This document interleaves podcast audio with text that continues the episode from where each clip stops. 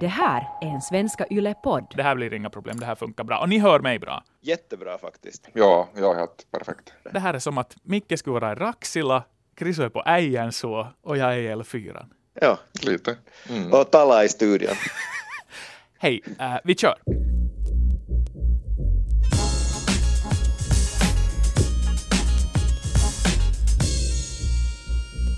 Avsnitt 46 av Yle Sportens podd är här och här är också om nu inte skid-VM i sin helhet, så veckan när skid-VM börjar och därför låter vi det uppta substansen i veckans avsnitt. Eh, Jag, Antti Koivukangas, eh, känner mig ganska ensam och övergiven med tanke på att mina två medverkande idag i det här poddavsnittet, bägge finns i C-fält. För det första, hej Chris Vuojärvi! Hej, hej, hej, guten morgen eller guten tag, vad ska vi säga?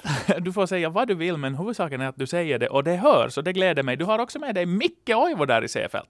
Jag säger bara mågen som folk sa åt varandra där på morgonmålet. Så hej. Ah, ja, så du gled in sådär coolt och blev local direkt. Nå, försöka, jag kan ju inte så bra tyska, men jag försöker klara mig här. Hej Micke, ni har kommit fram till Seefeld igår. Ni ska göra ett rejält mästerskap här småningom, både i nordisk kombination, backhoppning och längdskidåkning. Hur känns orten? Hur är VM-febern där nere? Det är ju ett jättemysigt och vackert ställe det här Seefeld. Vi är ju omringade av berg här och det har varit fantastiskt fint solsken både igår och idag också. Massvis med snö så att riktigt, ja, på något vis sådär idylliskt och ett romantiskt ställe på något vis och, och det där nu, nu finns här ju mycket folk och, och, och igår så att människor gick och besökte stadion och kollade där och när vi, när vi var där och kollade så såg vi hur, hur folk satt, satt på uteserveringarna och njöt av solen och något gott att dricka där så det känns riktigt bra. Jag kommer att tänka på det att eh, nu är ju framförallt längdskidåkningen av de här grenarna som arrangeras här så nu är det ju en, en, en med kärlek sagt en eh, byaorternas gren. Att eh, skillnaden från att ha varit för två veckor sedan eller en och en halv vecka sedan i Lahti som någonstans ändå är en någorlunda stor stad till att komma hit så den är ju markant. Men överlag så arrangeras ju de här världscuptävlingarna och VM-tävlingarna oftast på sådana här orter. Det är, det är ju Oslo och det är Lahtis. Vilka andra större orter så, så åker man ens de här världscuperna och större längdskidåkningstävlingar på att, att det är som att, att på ett sätt vara hemma. Ja, det har ju blivit lite stadssprinter, men utöver det så har du rätt att det, det är regionala företeelser det här med skid-VM. Och VM kör igång, eh, påminn mig här nu, torsdag, fredag, när är det vi börjar? På torsdag med sprint.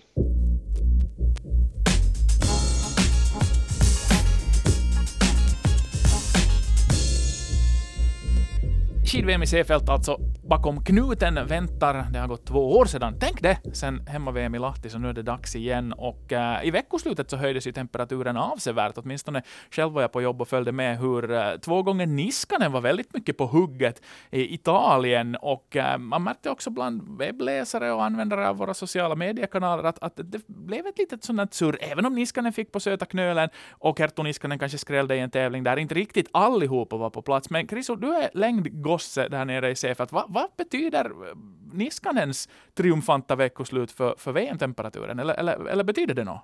Ja, Niskanens då i pluralis. Alltså, uh, vi börjar med, med Kerttu som vi tycker är någonstans är mer fascinerande. Uh, jag kan hålla med det vad Sami Jauhojärvi sa efteråt i Yles studio att, att trots att, att det var många som saknades från Johaug, Pärmäkoski, Ebba Andersson och, och så vidare så skulle Kerttu Niskanen sannolikt ha varit topp 6, topp 8, även om de bästa skulle ha varit med, för det var ju nog eh, tuffa åkare hon besegrade, Natalia Neprjajeva, Julia Belorukova, sådana åkare som till exempel besegrat Krista Pärmäkoski ganska ofta den här säsongen. Jag tror inte att det blir aktuellt att drömma om en individuell medalj för Kerttu Niskanen här i VM. Jag tror att det fortfarande finns så pass många som är bättre än hon, men, men osvuret bäst.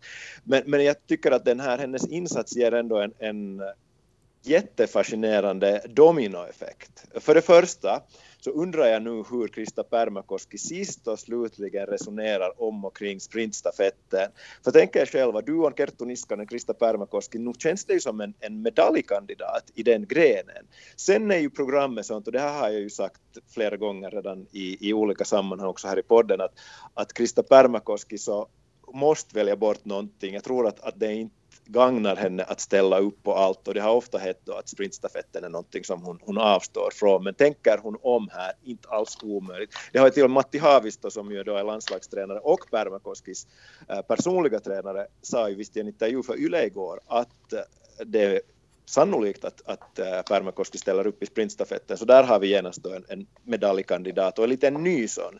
Och sen också det där med långa stafetten, stafettuppsättningen, den kan förändras i och med att Kerttu Niskanen visade den form hon var i igår.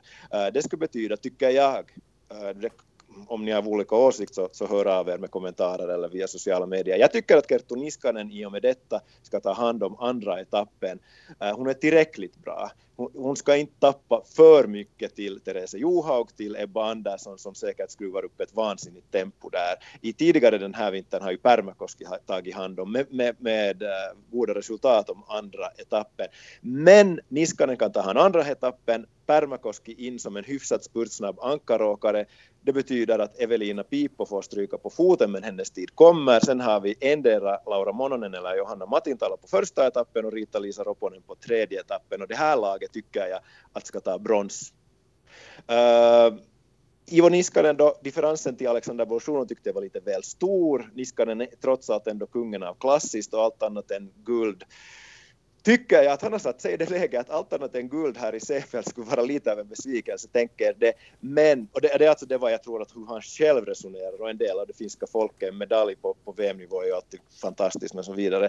Men, men någonstans så tyckte jag att det var en, en, en intressant detalj i det hela var att, att då Krettu hade vunnit så började det ju tisslas och tasslas på sociala medier och framförallt på Twitter att har någonsin ett syskonpar, en syster och en bror, vunnit samma dag en, en världscuptävling i längdskidåkning. Jag tror inte Jag tror redan det här vad, vad, vad Niskanens gjorde igår var historiskt. Någon sa och grävde fram att Janica och Vitsa Kostelic hade vunnit varsin tävling mm. i alpint i världscupen samma dag, så det, det, är ju häftigt. Men, men, men visst, där var du började. VM-temperaturen höjdes igår i och med tävlingarna i Konje. Ja, Kriso tömde ju paletten ganska bra där, men, men äh, måste säga sen nu gällande Kerttu Niskanens seger igår att, att det kändes när man tittar på resultatlistan att, att äh, ryskorna inte hade bästa möjliga skidor igår. Det var inte bara det att äh, Niskanen slog Natalia Nepiajeva och Julia Beloruko, det var också andra ryskor som, som förlorade, till exempel mot Anne Kyllönen, sådana ryskor som har varit betydligt bättre än Kyllönen tidigare i år ryskor som förlorade mot Vilma Nissinen som var 23 som tog sina första världscuppoäng. Så att äh, man ska ta det lite med en nypa salt, men jo, jag håller med om att, att det här ändrar på, på konceptet för stafetten och sprintstafetten för Finlands del på damsidan. Och, och framförallt så var det ju ett skönt besked för, för Kerttu Niskanen att se att, att äh, någon slags form börjar infinna sig. Krisu, vad är den där trollstaven då? För att det har ju varit riktigt nattsvart nästan för Kerttu Niskanen, framförallt ända sedan Pyeongchang och också under den här säsongen har hon varit långt, långt, långt ifrån. Vad har hänt? Ingen aning. Alltså, uh, man hörde ju det också på Sami Jauhojärvi att, att inte hade han heller i, i Yle studio så hemskt mycket konkret att komma med. Att, det, det är ju de där vanliga klyschorna att, att med, med, vila och sen kanske den där formen infinner sig. För faktum är att Äh, Kerttu Niskanens äh, personliga tränare är Pekka Vähäsöyrinki och Pekka Vähäsöyrinki är sådär old school och hans tes har ju varit att det ska tränas hårt och det, det har Kerttu Niskanen gjort i många herrans år och, och kanske ännu mer den här vintern. Och sen hamnade hon i det här läget där hon var övertränad och kroppen inte längre gav, den, den, eller gav de impulser som behövdes för att prestera på toppnivå. Och om det har skett det här och tydligen hade de här rätta sakerna nu, och vad är de rätta sakerna, jag vet inte, så, så, så är resultatet det här att, att Kerttu Niskanen är igen i den form som vi är vana vid att uh, hon ska vara i, för, för trots allt hon har, hon har varit de senaste fem, sex, sju åren en världsklassåkare just bakom världseliten och det är väl där hon är nu tillbaka. Ivo Niskanen då, precis som Krisu säger, alltså en guldfavorit som går för guld och Kerttu Niskanen nu med i fighten också. Men eh, eh, äh, varken dera av de här två, eller väl Krista Pärmäkoski för den delen heller är väl riktigt involverade i, när det kommer till det som hela VM kör igång med, det vill säga sprinten. Äh, correct me if I'm wrong här nu, men är inte lite kallt kring finska sprintrar för tillfället. Ja, Chris, och den där sprintstafetten, där, där finns det ett par som kan hävda sig nu med Hakola i bättre form också tillsammans med Ivo Niskanen. Men individuella sprintrar, vad har hänt?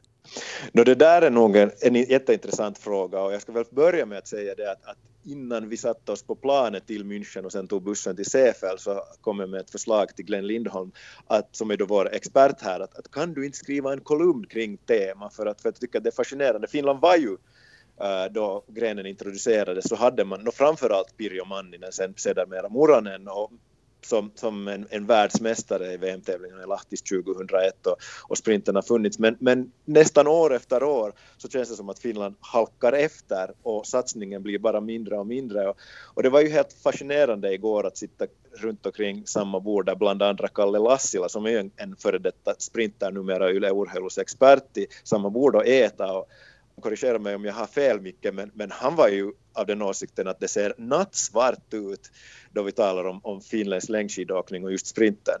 Jo, just till och med så pass nattsvart att han tyckte att, att, eh, att Yle kanske skulle kunna sända bara, bara svart då när sprinten går med, med text i rutan att, att, att finländsk sprintskidåkning 2001 till 2019.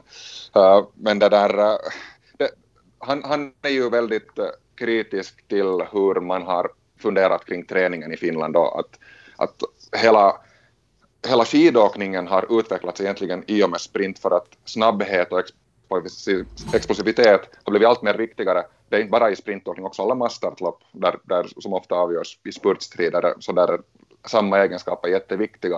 Och jag undrar om, om det kanske har varit ändå så att då när till exempel Pirjo Manninen har vunnit sitt VM-guld 2001 och så vidare, att, att då har det bara varit så att, att åkare som har råkat ha egenskaper som passar för sprint har klarat sig, medan man sen allt mer har börjat forska i och, och, och, och liksom utveckla olika sätt att träna för att bli bättre där, medan Finland kanske bara har satsat på distanslopp som har varit det där kanske helst med klassisk teknik som, som, som man har tyckt att är det enda rätta på något vis. Att nu tyckte ju Kalle Lassila att, att kanske först i år så har, har många börjat fundera på att ja, kanske man nu borde börja tänka om. Men det är, det är snart 20 år som grenen har funnits på, funnits på programmet, så ganska dystert ser det ut på det, det öses ju på ändå med skidåkare nu hela tiden som inte har vetat av någon annan tillvaro än att sprinten har funnits. Det vill säga de skidåkare som nu poppar upp, framförallt våra egna juniorstjärnor, men också de internationella stjärnorna, så är ju medvetna om att just de här egenskaperna är nyckeln i alla grenar. Så att, att äh, egenskaperna borde ju då också finnas där hos de finska juniorerna som har tävlat i sprintsammanhang via massstarter och via individuella sprinter redan, redan länge. Ja, men någonstans så handlar det väl också lite om prestige tycker jag. Att, att uh, finländsk skidåkning, det, jag säger inte något kontroversiellt nu, men, men ledare och, och hela atmosfären inom finländsk längdskidåkning, nu är den ju konservativ. Nu är det ju fortfarande den här te, äh, tendensen att man tycker att det här med distanslopp och med intervallstart, det är det finaste som finns. Och, och visst, jag tycker att de ska fortsättningsvis finnas på programmet, men, men sprintskidåkning är här för att stanna. Och, och jag håller med Kalle Lassila och de övriga som satt runt omkring samma middagsbord igår, att, att var finns satsningen på, på, på sprintskidåkning på finsk sida. Jo, de här juniorerna har, har vuxit upp med att det finns sprinttävlingar, men, men prestigen har alltid varit lite mindre. Och, och redan nu på veck, förra veckoslutet, alltså i, i lördags, så fick vi ett exempel på det. Inga finländska herrar med i världscupsprinten i uh, Konje.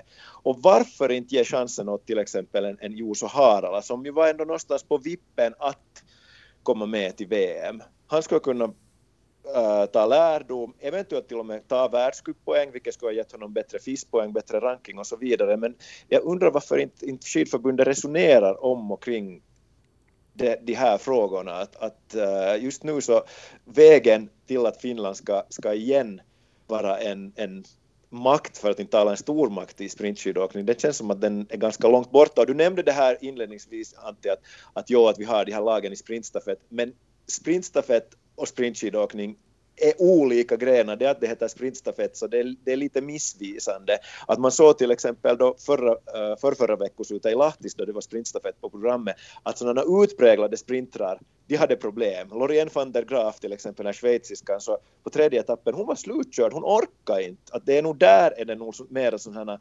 mångsidighetsfenomen som också har uthålligheten men också explosivitet som klarar sig. Micke, påminn mig nu hade inte vi ett sprintlandslag och en sprinttränare separat under Magnardalen, att det fanns en satsning. Det fanns Rinterit, det vill säga att någonting har fallit bort. Ja, nu fanns det ju ännu under, under Martti inte Martti här, utan Reijo Jöl så hade vi ju ett sprintlandslag ännu på herrsidan. På damsidan hade ju inte funnits det någonsin. Men ja, in, inte vet jag varför den satsningen har lagts ner. Ännu gällande det här att, att eh, man inte skickar finländare till Konje, det lär handla om ekonomiska orsaker, men samtidigt har man skickat finländska åkare som ska vara med i Seefeld på läger helt jätte, jättetidigt. Vissa sådana som tävlar kanske först under sista veckoslutet så är på läger i tre veckor. Och samtidigt skickar man också sen eh, fulla trupper till skandinaviska kuppen där kostnaderna för följande tävling är ännu högre än vad de ska vara för Konja. Så det känns som att skidförbundet och, och landslagsledningen där inte har tänkt igenom allting helt, helt, helt till slut. Nu är vi på väg in på ett dystert spår, så jag tycker vi sadlar om till andra halvleken nu och vänder det här till någonting positivt, för vi har ju ändå ganska höga medaljförväntningar med tanke på C-fält.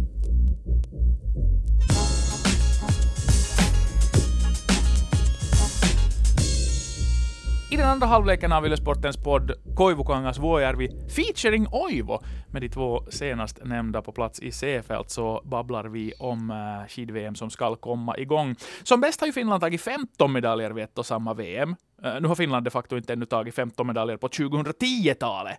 Men tiderna förändras och vi naturligtvis med den. I Lahtis, med lite Lahen lisää, så tog vi fem medaljer. Innan det en i Falun, en i Val di Fiemme Falun har Finland faktiskt aldrig tagit något guld.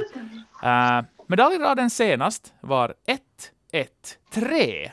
Och nu pojkar, nu kommer profetiorna. Backhoppningens och den nordiska kombinationens Nostradamus, Micke Oivo, och skidspårens Saida, Krisu Vuojärvi. Ja, men jag kan inte låta bli, jag hörde en dam i bakgrunden, var det Micke i ditt rum eller var det Ja, det var, det var, det, det var städerskan som skulle komma in till rummet, jag fick, jag fick gifta bort henne lite. Men det, hördes, det var Morgan som hördes där igen. Men ja, hon får vänta lite.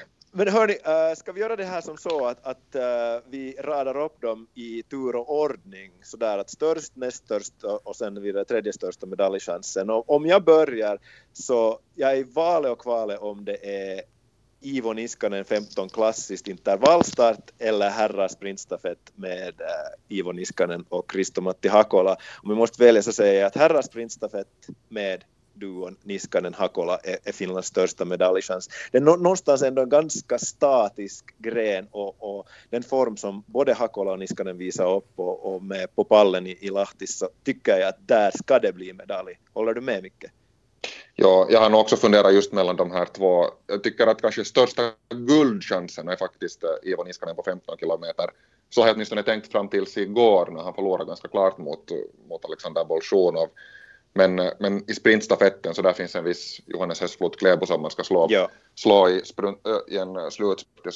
Så, att, ähm, att kanske säger också som så att, att herrarnas sprintstafett är största medaljchansen och Ivo Niskanen på 15 klassiskt är största guldchansen då har vi ju där redan i princip då två medaljer. Det här blir ju riktigt bra, Kriso. Jo, och det där, vi kan väl avslöja så mycket att jag och Micke så har på gång en, en text om och kring att till, till vår webb, Ylesportens webb, att här är Finlands största medaljchanser och sen också ge sannolikhetsprocenter. Att det är en del att gnugga i våra ganska non-existenta matematiska geniknölar, men hur som helst, vi har fått hjälp av Mattias Forsmo som kan det här med odds och så vidare. Men, men här, sen, sen var, var Finlands tredje största medaljchans i VM, så, så undrar jag inte om Krista Pärmäkoski ställer upp så vill jag nästan lyfta damernas sprintstafett med duon Pärmäkoski Kerttu Niskanen som trea. Uh, en annan kandidat. Här är faktiskt nordisk kombination. Det är länge sedan, Micke du vet det här, när är det senast Finland tagit en medalj i nordisk kombination? Men den här, heter det lagsprint där, där man tävlar mm. som ett par? Så där, mm. det känns som att de har möjlighet, Herola och Hirvonen, men, men det finns liksom större osäkerhetsmoment och deras backform har varit så svajig. Men, men det är definitivt också en medalj, en potentiell medaljgren. Ja, och jag har, jag har som no, tredje, tredje säkrast medalj för Finland så, så har jag bara skrivit Krista Pärmäkoski, antingen på skiathlon, 10 km klassiskt eller tremilen. Hon har tre bra chanser där och, och i skiathlon har hon ju tagit medalj i de två senaste stora mästerskapen, både i Pyeongchang och i Lahtis. Och kanske lyfter fram då den, den grenen som, som uh, hennes kanske till och med allra bästa chans. Uh, så att uh, så att jag lyfter fram Pärmäkoski ändå före, före kombinerat. Vad säger du om det där kombinerat? Alltså, hur, hur, hur högt ska vi skruva upp förväntningarna? Jag har, jag har satt, satt liksom räkna med en halv medalj från kombinerat. Uh, för det, det, känns som att det finns fyra helt, helt bra chanser, både individuellt och, och sen båda, båda de här lagtävlingarna också. Och allt hänger egentligen helt på det hur, hur framförallt Ilkka Herola och Eero Hirvonen lyckas i backmomentet. Och åtminstone den här normalbacken som finns här i Seefeld, stora backen finns ju sen, sen i Innsbruck, så den här normalbacken så, så den trivs de här finländarna inte sådär jättebra i.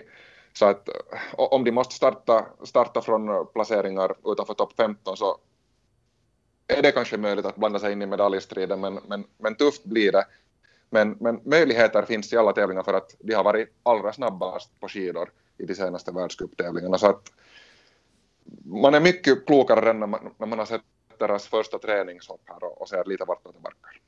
Mm. Och, och sen sist men inte minst så, så i båda långa stafetterna i längdskidåkning så finns det definitivt möjligheter för, för brons. Men konkurrensen är hård. Norge-Sverige på damsidan känns nästan lite väl tuffa. Ryssland där också en, en hård konkurrent. På, på här sidan så har vi eh, Norge som ett, ett oerhört starkt lag jämte Ryssland. Men sen är där Finland, Frankrike. Frankrike har ett ymnighetshorn av fristilsåkare, men, men däremot lite större bekymmer att hitta klassiska åkare som håller för måttet. Om Ivo Niskanen där på andra etappen lämnar Frankrike bakom sig rejält, så då känns det som att, att Finland har goda möjligheter att ta åtminstone brons i herrstafetten. Så det finns nog de här medaljgrenarna, de kommer titt som tätt. Tyvärr inte under första dagen, det ska vara en skräll om Finland ska ta en medalj i sprinten. En annan totalskräll skulle vara om vi skulle ha finländare ens i, ja Micke, vad ska vi säga, topp 10 i backhoppningen, för där är det väl nog nattsvart? Det har varit ännu mer nattsvart uh, eh, under de snart tio åren som jag har refererat backhoppning. I Val di Fiemme så, så fanns det till exempel en, en, en tävling där, där bästa finländare var 43. Så att lite bättre än så tror jag att det kommer att gå tack vare Antti Aaltos uh, fina form den här vintern. Men, uh, men ja, han har tagit några topp 10 placeringar, aldrig ännu stått på prispallen. Så att är han bland de tio bästa här på VM så, så skulle det ju vara fantastiskt. Det har inte heller hänt speciellt många gånger under det här årtiondet.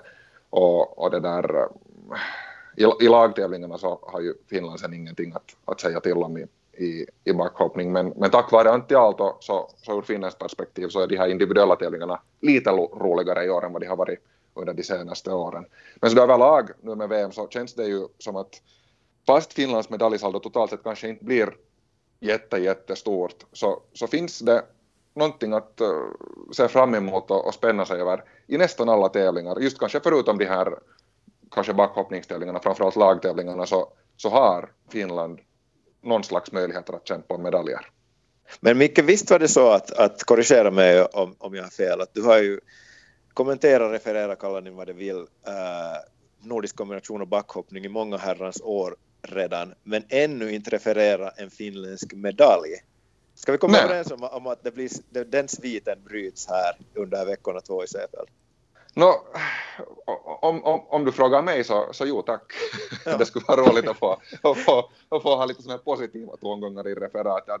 under många år så har, har det ju på något vis nästan varit så där att jag har, jag har sen måste sluta oja mig och voja mig över Finland för att, för att det inte skulle vara, vara så, så tungt att referera och att det inte skulle låta så tråkigt att lyssna på den här sändningen. Man har, man har fått fokusera lite mer på, på, på bland, bland de utländska tävlarna. För att citera Kai Kunnas så han jag håller med honom fullständigt att idrotten är ju så härlig för att någon vinner, någon är glad och, och någon överträffar sig ofta sig själv. Att det finns liksom vinnare på många nivåer så att, så att kanske vi inte glömmer det här med att bara fokusera på, på finländare då om det går åt pipan för, för de blåvita, utan, utan idrott är roligt alltid. Visst håller ni med? No, jag har ju alltså refererat fotbollsmästerskap äh, mest under mina år och inte har nu finländare varit där och vunnit hemskt nej, många precis. gånger, med damerna undantaget. Så att nej, idrotten är rolig då någon vinner. Men om vi då bortser från den här The Curse of Michael Oivo och utgår från att det blir bra saker också i, i andra grenar än längdskidspåren, så, så ska vi nu börja komma till kritan. Ni har era, era, era papper framför er där och, och, och nu ställer jag en, en, en en enkel fråga och utkräver ett fullständigt konkret svar. Vi pratade om det här Chris redan förra veckan, men nu, mm. nu, nu, nu, kommer ni sen att bli förstå till svars. Held accountable. Hur många medaljer blir det för Finlands del? Mikael Oivo. No, om, jag ta det så här, jag har, jag har räknat ut dem här och, och kommit fram till fyra och en halv medaljer. Det får du ju inte säga. Jag, jag, nej, nej, nej jag, måste, jag, måste, jag måste säga fyra eller fem. Jag, jag har räknat med att det kommer en från herrarnas sprintstafett, Ivo Niskanen på 15 klassiskt, Krista Pärmäkoski tar en individuell medalj, medalj. Sen har jag räknat med en halv medalj från kombinerat totalt sett, en halv medalj från herrarnas och damernas stafett i längdåkning och en halv medalj från damernas sprintstafett, så det blir fyra och en halv. Men kanske då är lite realist och, och tänker att det blir fyra, vilket skulle motsvara Finlands medaljsaldo från VM i Oslo år 2011 där Matti Heikkinen tog det där guldet och, och, det skulle bli då en medalj mindre än vad det blev i Lahtis som ändå kändes som, som ett eh, framgångsrikt VM ur finländskt perspektiv. Och om jag ännu får tillägga så, så, tror jag att det blir minst lika många fjärdeplatser som det blir medaljer för Finlands del. Att till exempel Pärmäkoski så kan vara fyra i många tävlingar och, och samma kan hända också i kombinerat att, att, att Finland kommer att vara med och fightas i jättemånga tävlingar, men, men ofta kan det handla om just brons den, eller en Den eviga optimisten Micke Oivo förutspår alltså för finländarnas del flera poängplatskaffen än medaljkaffen. ja, flera, flera fjärdeplatskaffen än medaljkaffen. ja, det här blir jättetråkigt nu. Jag, jag sa visst fyra medaljer förra veckan, jag står fast i det, men helt precis som Micke är inne på, så det är snarare fem än tre finländska medaljer här i CFL. Så vi är, vi är helt eniga i den här frågan. Men Chris, och de här halvmedaljerna, får man säga sådär? Liksom, no, inte jättefegt. då, kommer ja. jag, då kommer jag att slå fast att, att Finland faktiskt har, har stolpe in den här gången i CFL och vi tar alltså totalt sex medaljer. De här Micke Oivos fjärdeplatser blir brons, till och med delade sådana, och det är lite mera flyt än normalt. Så att fyra Krisolutandes mot fem och jag sex. Där våra tips från Ylesportens podd.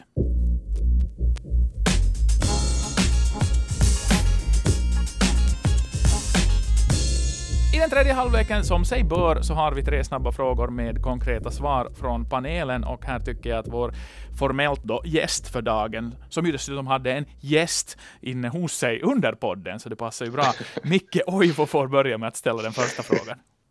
No, uh, i de här grenarna, backhoppning kombinerat och, och längdåkning, så är det ju en hel del stjärnor som har uh, lagt av under de senaste åren. Och, finns det någon som, som ni saknar, som ni gärna skulle se här ännu i Seefeld?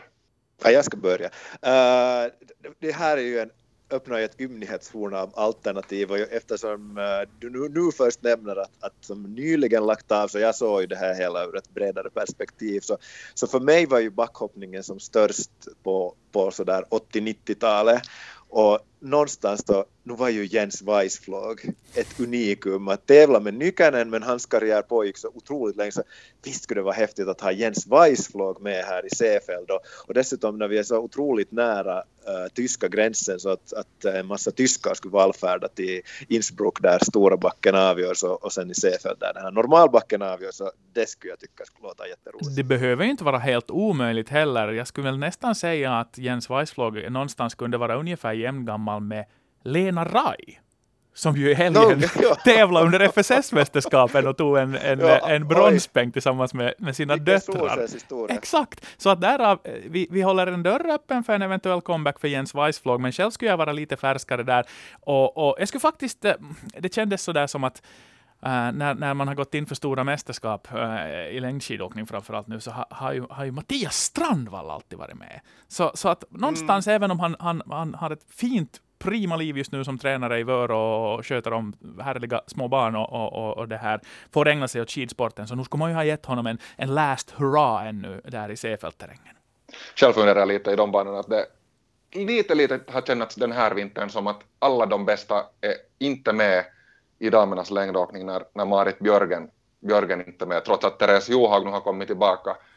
Och, och när Johaug nu har varit så överlägsen så skulle det kanske varit intressantare distanslopp i, i världscupen och kanske också här i Seefeld om Björgen skulle vara med och, och, och kämpa mot, mot Johaug, men, men sen ur, ur finländskt perspektiv så, så är det ju tacksamt att hon är borta så att medaljchanserna är lite bättre.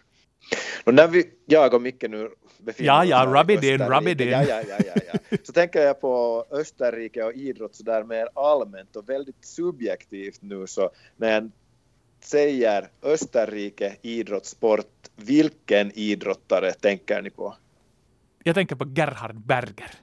Det blev Bra liksom svar. det spontana för mig. Eh, sen kom det Andreas Goldberger och, och, och några fotbollsprofiler, men faktiskt först så tänkte jag på den, den ganska surmulna, krullhåriga Formel 1-föraren. Jag kom också att tänka på Gerhard Berger och tennisspelaren Thomas Muster, men det som jag allra först kom att tänka på var på något vis alpint i sin helhet, de massorna som kommer därifrån från, från den här nationen. Igår också när vi, Chriso, när vi gick här genom, genom byn så, så hade folk samlat sig vid en uteservering och, och glodde på en TV och kollade förstås på alpint från, från VM i Åre.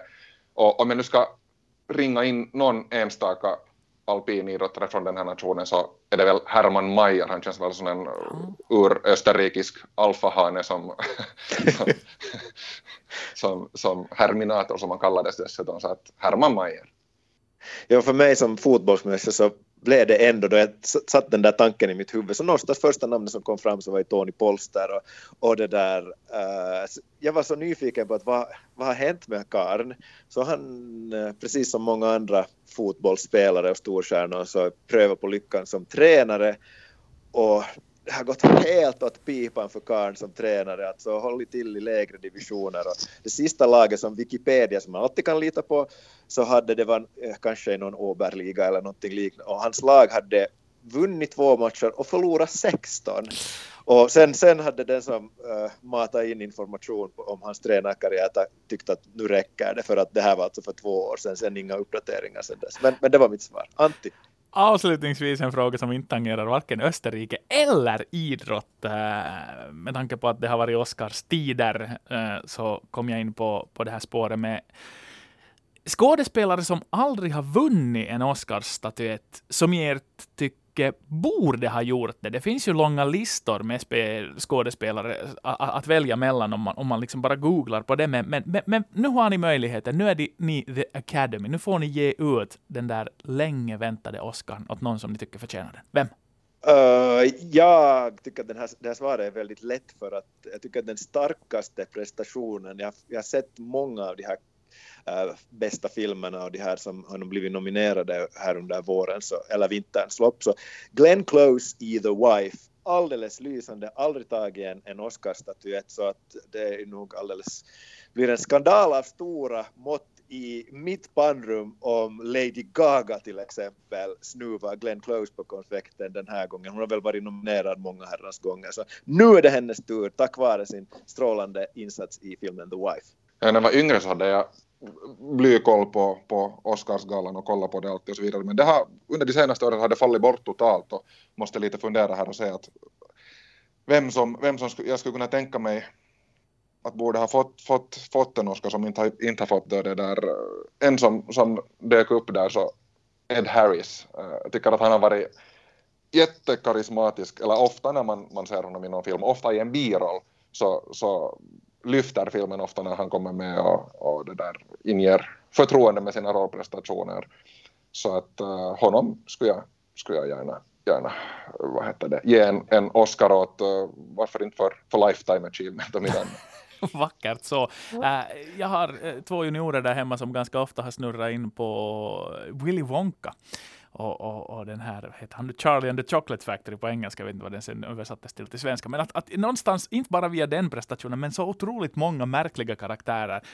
Ända börjandes från Cry Baby för tusen år sedan, så skulle jag vilja ge en Oscarsstatyett åt Johnny Depp. Det här har varit Idrottsportens podd avsnitt 46 och vi kommer att befinna oss eh, sådär i, i, i mm, tanken i Seefeld också under de kommande veckorna när VM rullar vidare. Frågor, kommentarer och dylikt kan ni skicka på förnamn efternamnet yle.fi till samtliga deltagare och ni hittar alltid som vanligt podden på Yle Arenan, Spotify och iTunes. Det här är en Svenska Yle-podd.